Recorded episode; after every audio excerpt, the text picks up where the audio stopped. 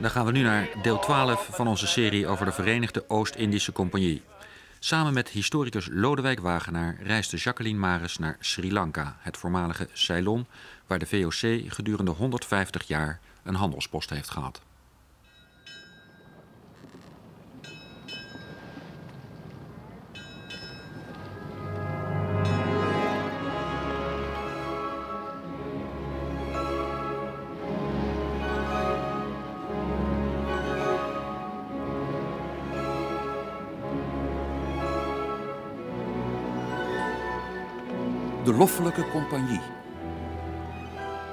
Ceylon.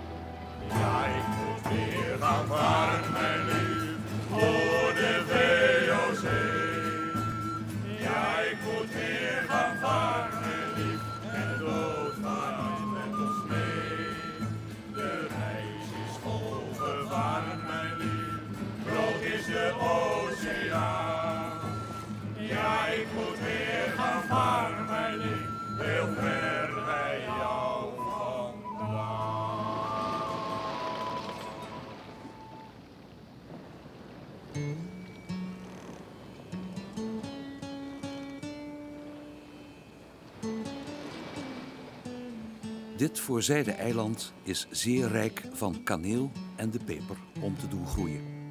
Maar de Singales en stellen hun daarop niet. Alleen omtrent Colombo, daar de Portugiezen zijn, wordt den kaneel getrokken. In het koninkrijk Kandy is allerlei metaal, van ijzer en koper dat er gegraven wordt. En er zijn ook bergen die zilver en de goud geven. Maar den koning en wilt niet toelaten dat het gezocht wordt. Ik ben door sommige rivieren gepasseerd, daar wij het zand uitnamen en dus spoelden het met schoon water, waarin wij garnalen vonden.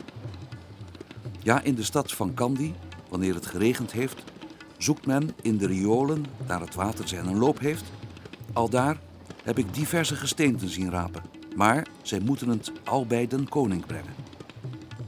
Die gesteenten mogen van niemand gezocht of te verhandeld worden dan den koning. Zo hij enige begeert, doet hij daar maar zoveel zoeken als hij teffens van doen heeft en vergaart geen op voordeel. Den generaal heeft zeer hard en de sterk daarom aangehouden om van een deel gesteente met hem te mogen handelen, maar den koning wilde daar nooit toe verstaan.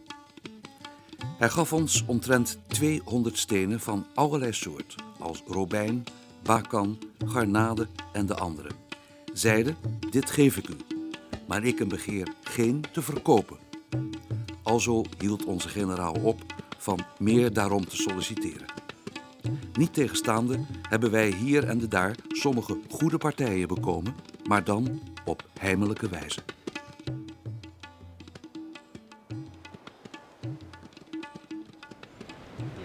Schrijft Joris van Speelbergen. Eigenlijk de eerste die rapport doet van Ceylon. Althans, eerste Nederlander die wat te maken heeft met de VOC, die rapport bre- uitbrengt over Ceylon. Hij kwam daar in eh, 1602, in het jaar dat in Nederland de VOC werd opgericht. En kort daarvoor was hij door de Zeeuwen uitgestuurd om eh, te kijken of er een, een handel in kaneel mogelijk was met Ceylon. Dus dat wist men wel in Nederland. Ja, Ceylon was eh, bekend, al, al, al, al eeuwen en eeuwen eh, in, in allerlei landen. En men heeft toen een aantal reizen voorbereid. In 1595 gaat dan de eerste naar Indonesië toe. En een paar jaar later probeert men om contact te maken met de koning van Kandy. En dat, dat lukt. Men komt aan op de, op de oostkust, wat we nu eh Batikaloa noemen. Matekalo noemt men eh, dat toen. En ja, hij krijgt het zover dat hij toestemming krijgt om door de jungle naar eh, Kandy te vertrekken. Maar helaas, eh, ja, het ziet er daar toch heel anders uit dan hij dacht. En hij krijgt wel een beetje kaneel, maar meer uit, uit beleefdheid. Een, eh, representatiegeschenk, maar Maar- nog niet een hoeveelheid om mee te handelen. Maar de koning ontvangt hem zeer hartelijk. Ze praten veel over politiek en over religie. En de koning leert zelfs Nederlands, begreep ik. Ja, en dat is daarna ook een paar keer gebeurd. Er is een beroemd plaatje in het verslag waarbij je de koning van Kandy een hand ziet geven. De ontmoeting van de koning van Candy met Joris van Spilbergen. Een plaatje wat ook eeuwenlang ja, bekend is geweest in Sri Lanka. En nog steeds in elk boek of elke tentoonstelling een rol speelt. Want daarmee is toch een stukje gemeenschappelijk geschiedenis begonnen dat niet meer te ontkennen valt.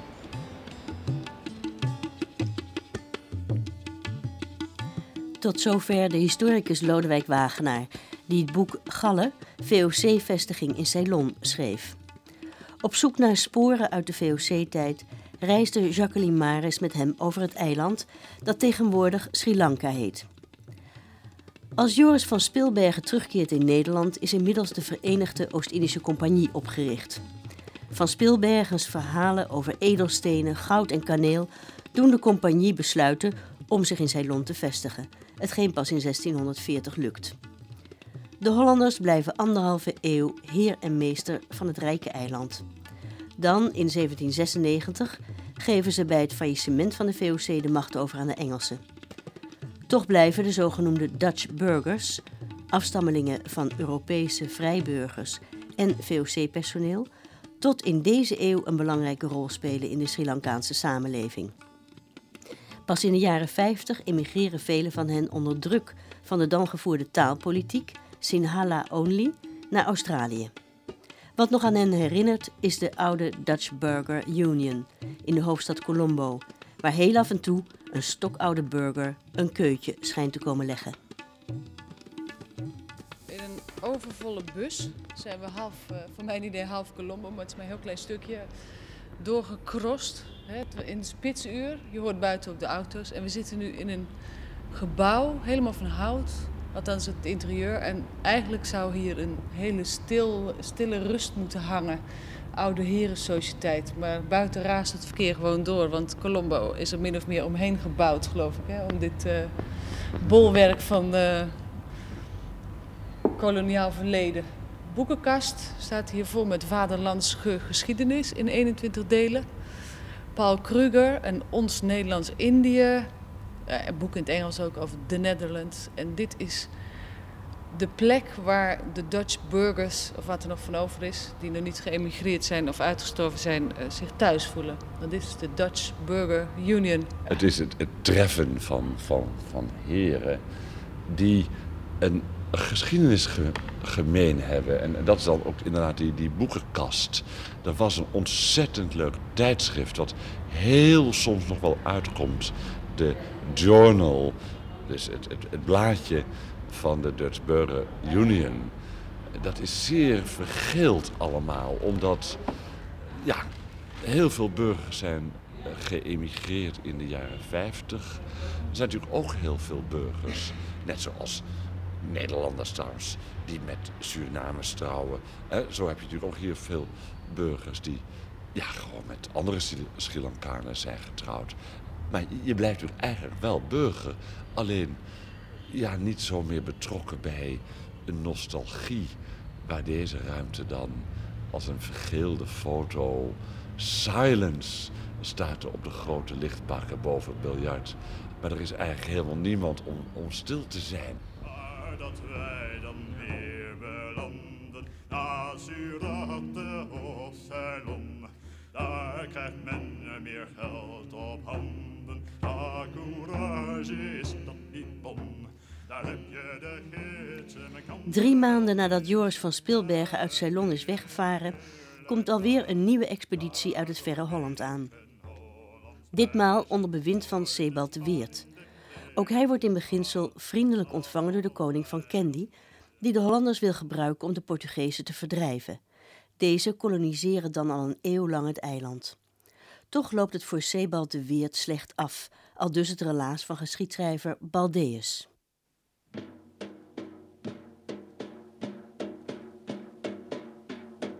Sebald de Weert, bij den keizer komende, verzocht en nodigde zijn majesteit naar veel en verscheiden discoursen de schepen te bezichtigen, het welk zijn majesteit weigerde, zeggende dat zijn landsheren niet wilden verstaan dat het ook geen reden was hetzelfde te verzoeken.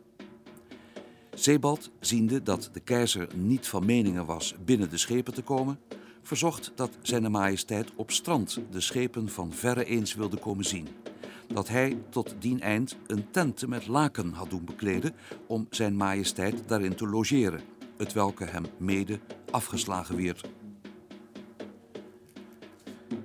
Den vice-admiraal Sebald de Weert, in deze weigering het ontevreden zijnde, antwoordde hij aldien zijn majesteit niet begeerde op strand of binnen de schepen te komen, hij hem tegen de Portugezen niet wilde helpen oorlogen, om welke redenen Don Jan toornig werd tegen de voorzijde de Weert. Nochtans, zijn gramschap inbindende, zeide hij dat Sebald de Weert met de schepen achtervolgens zijn gelofte naar Galen verzeilen zouden en dat hij naar Kandy moest optrekken bij de keizerinne, die, vermits haar broer Adolf zijn op de frontieren vertrokken was, alleenig was. Sebald, eens meer als behoort gedronken hebbende, gaf onbedachtig ten antwoord dat de keizerinne geen mannen zouden ontbreken en dat hij naar Gallen niet begeerde te vertrekken of tegen de Portugezen te vechten, vooral eer zijn keizerlijke majesteit de schepen bezichtigd en hem zodanige eertekenen aangedaan hadden. Don Jan, die een zeer haastig en wreed man was, ontstak door deze redenen in meerder toren en brandende van grimmigheid gelijk een vuur stond haastelijk op, zeggende Bonda lapa mebal, het welk is bind men dien hond. Op welke woorden de vice-admiraal van vier edellieden wierd gevat, die hem zochten te knevelen. Dan alzo hij hen te weerstelde, trekkende aan zijn zijdgeweer groot gerucht makende om hulpen van zijn volk te bekomen, maar deze waren op het begeren des keizers aan strand gebleven, werd Sebald de Weert onderwijl van achteren gevat en met een brede zabel het hoofd gekloven dat hij dood ter aarde stortte.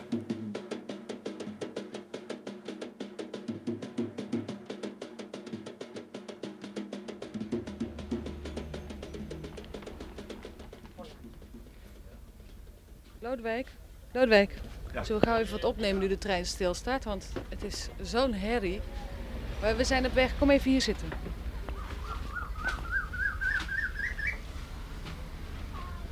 We zijn op weg eh, naar Galle. Dat ligt zo'n 100 kilometer, 115 kilometer van Colombo, hè? 115 jaar, ja. Ten zuiden. Oh, we rijden weer. Nou, we proberen het maar even. We stoppen nu op, boven een hele brede rivier die dwars door het oerwoud inloopt. Ja, ik geloof dat we nu vlak bij de Bentota-rivier uh, zijn.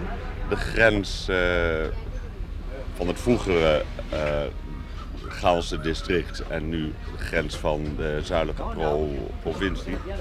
Maar zoals we hoorden in dat citaat van Van Speelberg aan het begin van het programma, het was een ontzettend rijk eiland hè, met edelstenen en dergelijke. Wat voor dingen werden nou nog meer geëxporteerd door de VOC? Waar verdienden ze aan dat ze Ceylon uh, weghalen? Niet heel erg veel agrarische producten, maar opvallende zaken waren natuurlijk de, de olifanten. Ja, er is geen, ja, er is geen, geen oude kaart die je ziet, uh, oude Nederlandse kaart of ook oude kaarten uit de Engelse periode, waar dan olifanten op in staan getekend. En in dit stuk van Zuidwest Sri Lanka had je ook overal olifantenkralen. Een soort gigantische houten fuik zou je kunnen zeggen, waar de olifanten werden gevangen. De meeste gingen over land naar Jaffna, omdat juist in het noorden, in het noorden uh, de afstand met India vrij klein was. En daar woonden heel erg veel vorsten die die olifanten gebruikten voor de jacht of om nou ja, op, op, op, een, op een zieke manier op, op rond te rijden, bij wijze van spreken. Maar natuurlijk ook, zoals hier in Sri, Lanka nog steeds wel gebeurt en in India, uh, om te werken. Daar, daar, vind je dus allerlei verhalen over in de archieven, hè? Ja, er zijn uh, een aantal gevallen bekend in, in Jaffna van olifanten die overgeladen worden in schepen en op zo'n schip omvaart. Dat is natuurlijk hoogst treurig. Een iets minder treurig verhaal is een uh, geval van een olifant die in uh, 1737 wordt ingeladen. Een geschenk uh, van de koning van Candy aan uh, de gouverneur van Batavia. Maar toen moest dat beest naar binnen gehesen worden met grote banden onder de buik. Het ruim was vergroot, het luik van het ruim was vergroot. Maar wat wou nou het ongeluk dat net waar die olifant zou neerkomen, een paar vaten brandewijn stonden. Al dus het verhaal van uh, Heid die daarbij was, die ook met de ambassade mee naar Candy was om die olifant op te halen. Nou, en die beschrijft dan hoe die olifant per ongeluk bij die uh, brandewijnvaten terecht kwam. En dat lek trapte. Ha, water dacht die olifant, want die houden ontzettend van zich uh, douchen met, met water of met zand. Dus slurfde erin. En het besproeide zich met die brandewijn. Heerlijk natuurlijk, maar hij dronk er ook van en werd langzamerhand totaal dronken en begon in het wilde weg rond te slaan. Nou, dat was natuurlijk niet de bedoeling. Dus met man en macht hebben ze toen geprobeerd om touwen om zijn poten heen te krijgen en hem vast te binden aan uh, beneden deks allemaal, aan uh, een aantal spanten. En nou ja, gelukkig is hij tot rust gekomen, omdat hij door die overvloedige hoeveelheid alcohol in slaap viel.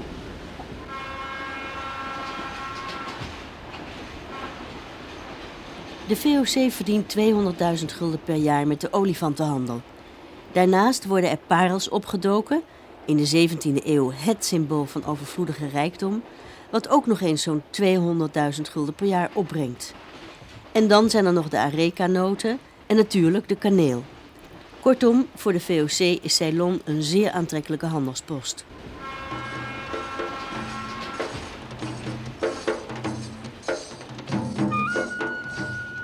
Na de moord op Zeewald de Weert duurt het tot in de jaren 30 van de 17e eeuw voor de dan regerende koning Raya Singha II, een fervent Portugese hater, zelf een toenaderingspoging doet. Hij vraagt in Batavia om Nederlandse militaire steun. In 1638 sluiten de twee mogendheden een verdrag. De strijd kan beginnen. En twee jaar daarna vindt de slag om Galle plaats, wat de belangrijkste VOC-vestiging op Ceylon zal worden.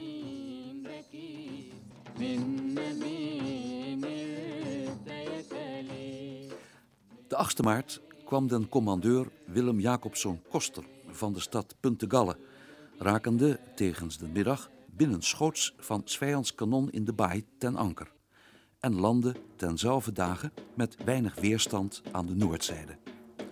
De ganse krijgsmacht daar bijeen vergaderd zijnde, zijn de onzen dicht onder de stad gekomen, zijnde in drie troepen verdeeld. Den koning van Candies volk kwam niet voor den elfde in Baligamor, zijnde ruim zes mijlen van Galle.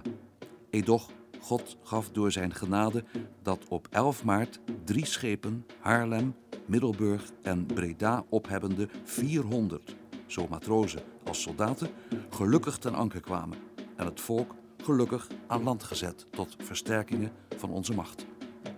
Den twaalfde, nadat op het bolwerk San Jago een goede bresse was gemaakt, begost men van stormen te spreken. En na aanroeping van de namen Gods is de stad den dertiende stormenderhand ingenomen nadat anderhalf uur dapper wederstand van de vijand gedaan was. Deze stad is naderhand van de Nederlanders anno 1663 en 1664 zeer versterkt en de als onwinbaar gemaakt.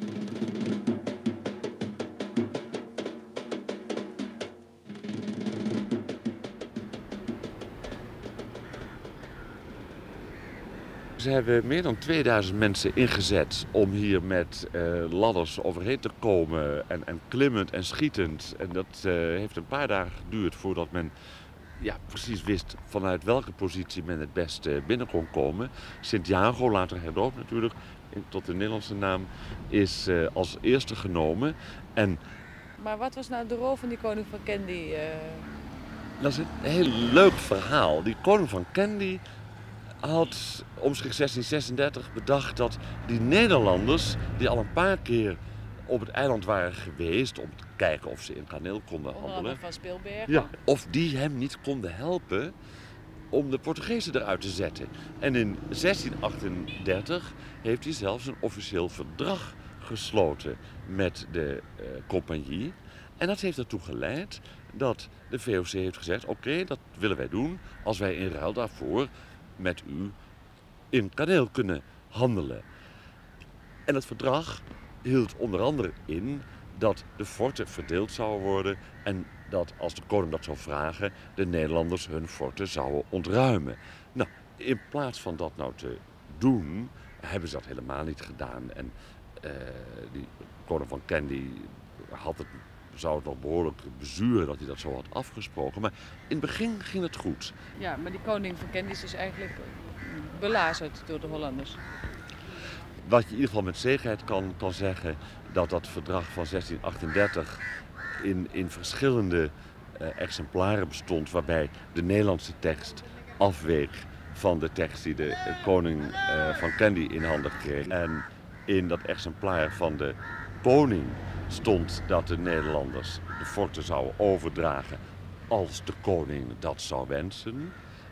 Dat belangrijke zinnetje, steden teruggeven als de koning enzovoort, stond in het Nederlandse traktaat niet. En ze hebben het dan ook niet gedaan. Sterker nog, het feit dat ze die oorlog hebben gevoerd en die steden hebben versterkt, nieuwe bastions hebben aangelegd, soldaten hebben aangenomen, is altijd tegen de koning van Candy gebruikt. Van ja, hoor eens, daarom hoeven wij ook geen kaneel eh, te betalen, althans maar heel weinig, want u heeft nog schuld aan ons. En dat was een schuld die eh, meer dan 7 eh, miljoen gulden was. En het argument van onze oorlogskosten waren zo groot en onze garnizoenskosten nu zijn nog steeds zo groot, heeft gewoon betekend dat ze die koning van Candy in de, in de tang hadden. Want ze, hij kwam gewoon nooit meer van ze af. dus toch wel belazerd voor die, die man heeft toch gedacht dat hij op gelijkwaardige voet stond met die nieuwe uh, indringers. Nee, daar heb je natuurlijk volkomen gelijk aan. Maar dat ze steden zouden bezetten, dat ze op, op die manier ook als een koloniale macht, als bezettingsmacht zouden blijven. Nou, misschien dat de koning daar inderdaad geen rekening mee gehouden heeft. Indien niet, dan was dat een beetje naïef. Maar los daarvan... Dat rechtvaardigt het gedrag niet van de VOC. absoluut niet. Nee, natuurlijk niet. De Nederlanders hadden hier absoluut niks te maken. Althans, niet anders dan in de rol van handelaar dat was natuurlijk een rol die zeer acceptabel geweest zou zijn. En ze hebben er wat anders van gemaakt.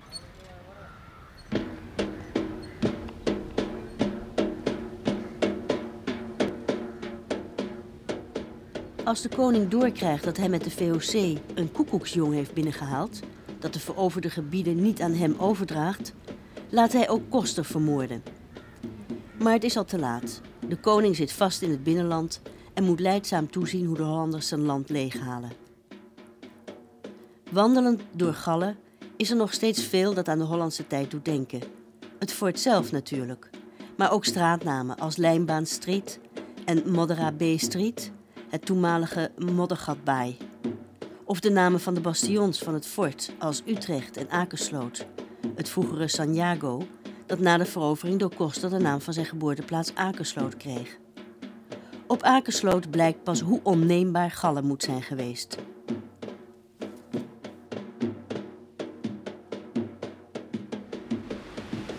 Oh, prachtig. Wat een uitzicht heb je hier.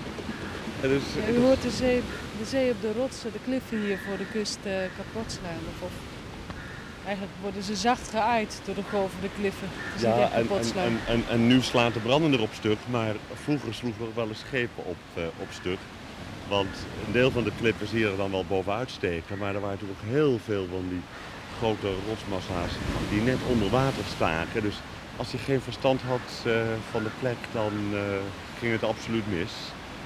Aan de overkant van de baai zie je de waterplaats, Oenewatta, waar ze water haalden. En hier stond natuurlijk veel meer kanonnen dan alleen maar dat, dat ene ding wat ervan is overgebleven. Oud, verroest uh, Zeer apparaat. Even kijken hoor, ik ga even toelopen. Hij staat overigens wel strategisch goed opgesteld. Kan je voorstellen dat je op deze punt al het binnenkomend scheeps, uh, scheepvaartverkeer onder controle had. En dat was natuurlijk ook de reden waarom Gal ook zo sterk was eh, gebouwd met, met, met punten, met, met bastions, met, met kanonnen. Want daardoor had je de, de enige goede haven, namelijk de baai van uh, onder controle. Dat was wat de Nederlanders graag wouden hebben. De on stad.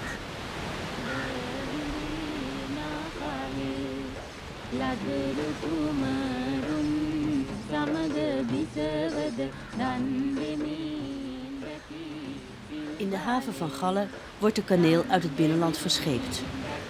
Tot op de dag van vandaag exporteert Sri Lanka kaneel. De OVT-verslaggevers namen de bus het binnenland in en bezochten daar een kaneeltuin, waar net als eeuwen geleden de kaneel met de hand wordt geschild. Nou, wa- wat je, wat je ziet is dus geplante kaneel. Vroeger was het zo, dat lees je bijvoorbeeld heel goed beschreven bij eh, Valentijn, dat de meeste kaneel Ook een oude geschiedschrijver uit de 17e Ja, eeuw. Ja. Frans van Valentijn, die eh, zo 1726 zijn boek over eh, Oost-Indië uitgaf. Ja. En die beschrijft hoe eh, de kaneel in het, in het wild groeide. En die kaneelschilders moesten vaak einden lopen om weer een geschikte boom te vinden. Om daar dan de bast van af te halen. De compagnie al heeft gestimuleerd met belastingmaatregelen en dat soort zaken om tuinen te maken waar het kaneel geplant werd, waar het lekker dicht bij elkaar groeide. Dat was zo, zowel in de buurt van Colombo als tussen Colombo en, en, en in. En het is natuurlijk veel makkelijker om een plantage te hebben waar het groeit dan om mensen het land in te sturen. En helemaal makkelijker, want dat was eigenlijk een ramp, om de kaneelschillers over de grens van het Koninkrijk Candy te sturen, het binnenland in. Want daar groeide de meeste wilde kaneel. En dat kon de compagnie niet zomaar doen, dat sturen van die schillers. Ja. Er moest elk jaar toestemming van de koning van Candy voorkomen. En die kon daar natuurlijk eh, een mooi spel van maken. Zullen we even de tuin inlopen? Want Ja. Hier liggen dus de afgewerkte stokken. Daar kan je verder niks mee doen. En hiernaast ligt keurig op een rij, op gelijke lengte gesneden, de eh, afgewerkte bast te, te drogen. En daarbinnen zijn ze bezig om de stokken af te snijden en af te schrapen. Misschien is het leuk om daar even te kijken. ja, Ze keep het in, zie je wel? een meisje zit Ja. dat te doen. Ja. Ze keep het in en dan komt de eh, bast los. En afhankelijk van de handigheid maak je mooie smalle stukken. Zie je haar een- vinger? Dat is helemaal bebloed. Ja, ja. En met pleisters. Dus het is een razendscherp mesje. Heel scherp mesje. Zo ging het precies hetzelfde dus. Ja. Wat verdienden die kaneelschillers nou vroeger? In Nou, de POC-tijd? dat is er- heel moeilijk uit te Nou, dat hing er een beetje van af omdat hun eh, schilverplichting afhing van de leeftijd. Dus een, een jongetje van, laat ik zeggen, eh 12 jaar, die, eh, Zoals er daar eentje staat in de deuropening. Ja. die, die hoefde maar één robe, dat is een bundel van ongeveer 56 pond, eh, bij elkaar te verzamelen. Maar dat is heel veel, want Dat- die basjes zijn heel licht. gigantisch veel. En daar liepen ze weken voor door het terrein om, om de goede kaneelbomen te vinden die in het wild groeiden. En hier was er een en daar was er een. En de oudere eh, mannen, die moesten zo, zo zes tot tien robbes eh, bij elkaar verzamelen. En naarmate ze dan weer ouder werden, ging de productie weer omlaag. Hoefden ze minder in te leveren. En daar kregen ze een, een kleine vergoeding voor, echt, echt een kleine vergoeding. Plus een rantsoen aan rijst, rijst 40 eh, pond per maand. Dus nou ja, die, die, die beloning was, was een beetje, beetje, beetje scherts. De kosten waren ook zeer gering. En de winst van de verkoop, als het eenmaal gebundeld was en met de schepen naar Indië, naar Europa was gebracht, was enorm werkelijk.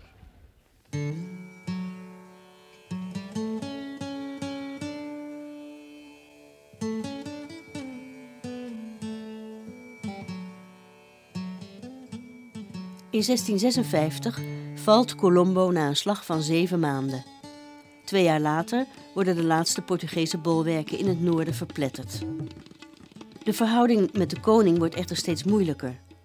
Ieder jaar moeten de VOC-gezanten naar Kandy reizen met geschenken om deze knielend en wel aan de koning aan te bieden.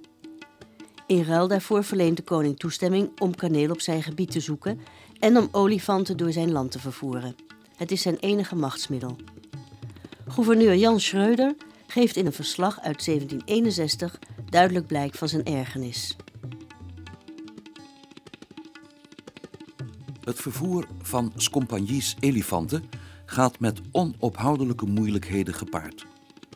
Als onze elefantsbediendens met die beesten tot aan de grenzen gekomen zijn, en alvorens zij wezentlich van de vrije passage mogen profiteren, is het niet te geloven wat voor hoofdbrekens en moeilijkheid, ja, wat schrijvens en wrijvens men daarover de meeste tijd heeft.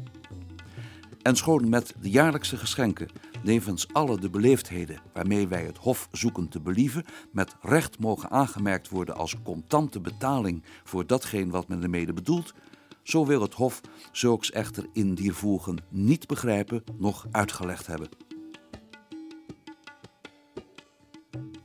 Ook aan de kant van de koning groeit de frustratie. Eind 1760 breekt er een opstand uit tegen het Nederlands gezag. Aanvankelijk lijkt het erop dat de Candianen niet te stuiten zijn. We zijn zo'n 40 kilometer ten zuiden van Galle, in Matara, aan de kust. Straks gaan we het binnenland in, richting Candy, richting het koninkrijk van de koning. Wat is dit? Dit is Redoute van Eck. En hoe zou je het beschrijven? Het is een eh, stervormig fort, gericht tegen de uh, toentijdse binnenlandse vijand. Wacht even, maar een enorme poort met een heel mooi wapen erboven. Waar er steeds allerlei kleuren in zitten als groen en een soort geel en een soort roze. Staat een datum op, 1763. Twee leeuwen houden trots de kroon vast en het wapen eronder. En daarboven staat uiteraard eerst Redoute van Eck. Maar daarboven staat uiteraard VOC met prachtige groene bladeren omgeven. Ja, het is niet uh, voor, voor niks dat het jaartal 1763 erop staat.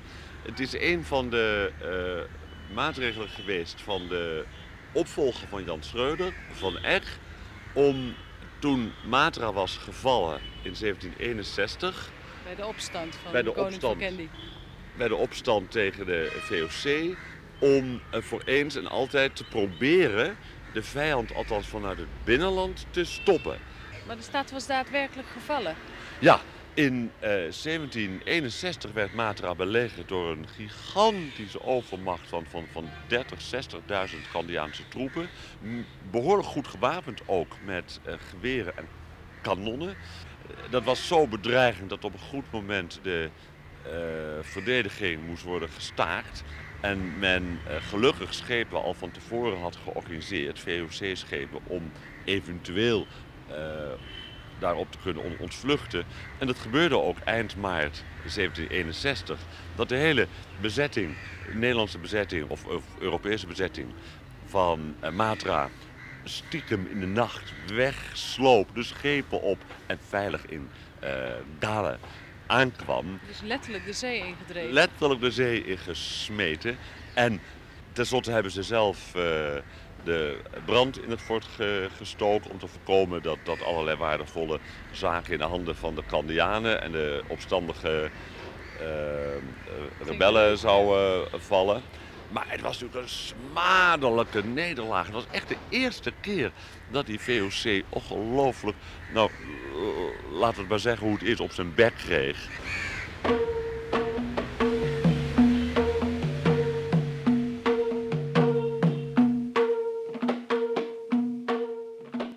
Noodtoestand voor de VOC en Batavia roept gouverneur Jan Schreuder spoorslags terug.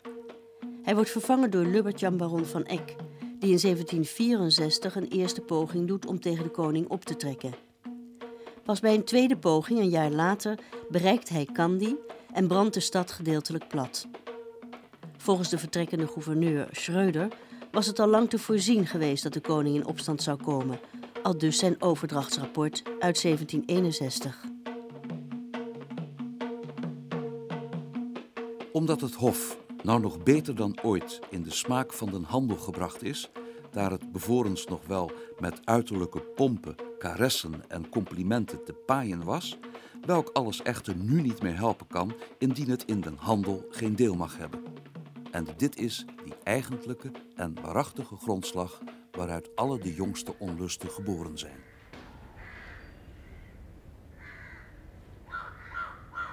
Wat ik nou niet begrijp is, de koning, als hij in opstand komt hè, rond 1760, In het begin dan, dan jaagt hij die Nederlanders in Mata- Materen, wat we hebben gezien, de zee in zo ongeveer.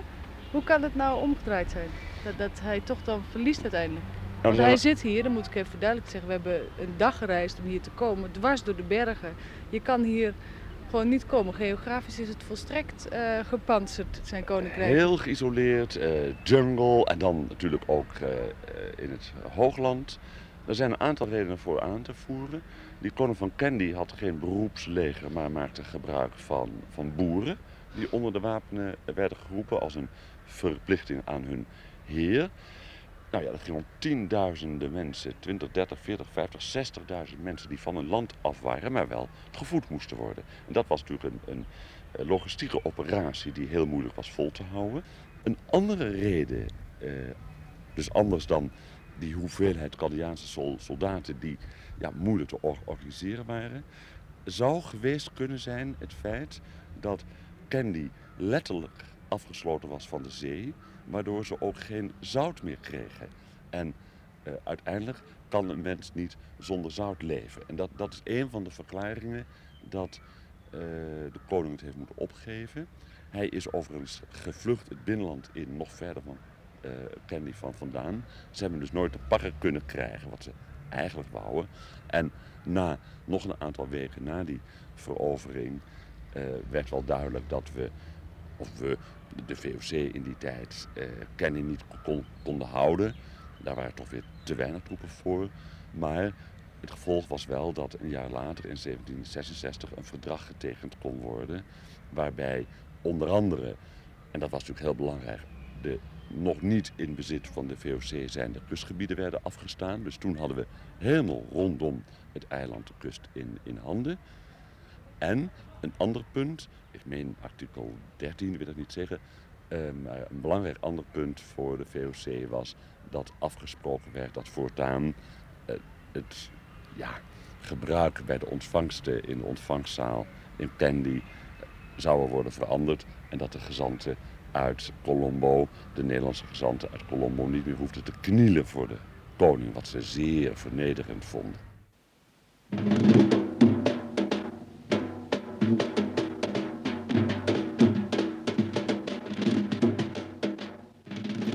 Niet lang na het verdrag van 1766 wordt juist deze bepaling aangepast.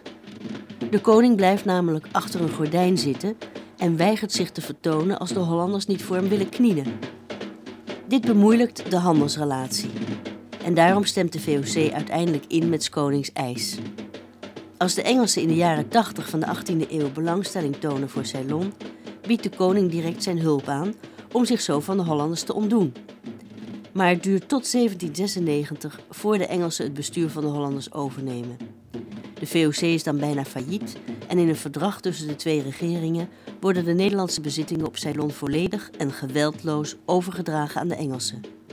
En weer trekt de koning van Kandy aan het kortste eind.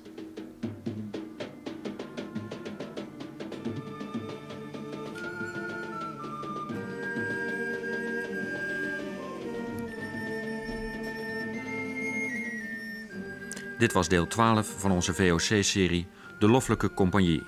Volgende week in deel 13 reizen we in het voetspoor van Jacob Hafner langs de kust van India. Wilt u een cassette van dit programma, dan kan dat. Maak hiervoor 10 gulden over op Giro 444600 van de VPRO in Hilversum onder vermelding van VOC en Ceylon. U kunt ook de hele serie van 14 afleveringen bestellen. Maak dan 60 gulden over op datzelfde Giro-nummer 444600 van de VPRO en vermeld serie VOC. Daarbij ontvangt u dan ook nog als extraatje een cassette met VOC-liederen vertolkt door de muziekgroep Dwars Getuigd. Deze serie kwam tot stand met steun van het Stimuleringsfonds Bijzondere Omroepproducties. OVT zit erop voor vandaag. Aan dit programma werkten mee Kiki Amsberg, Jacqueline Maris, Gerard Leenders, Nienke Vijs, Aad Bos, Hans Olink, Arie Kleiweg, Wil Hassink en Paul van der Gaag. Techniek Erik Niehaus, Paul Schoenmakers, Bert Siegersma en Huub Hogeweg. Op deze zender gaat de avond verder. De VPRO kunt u de hele middag nog op Radio 2 beluisteren. Wij zijn er volgende week weer om 10 uur.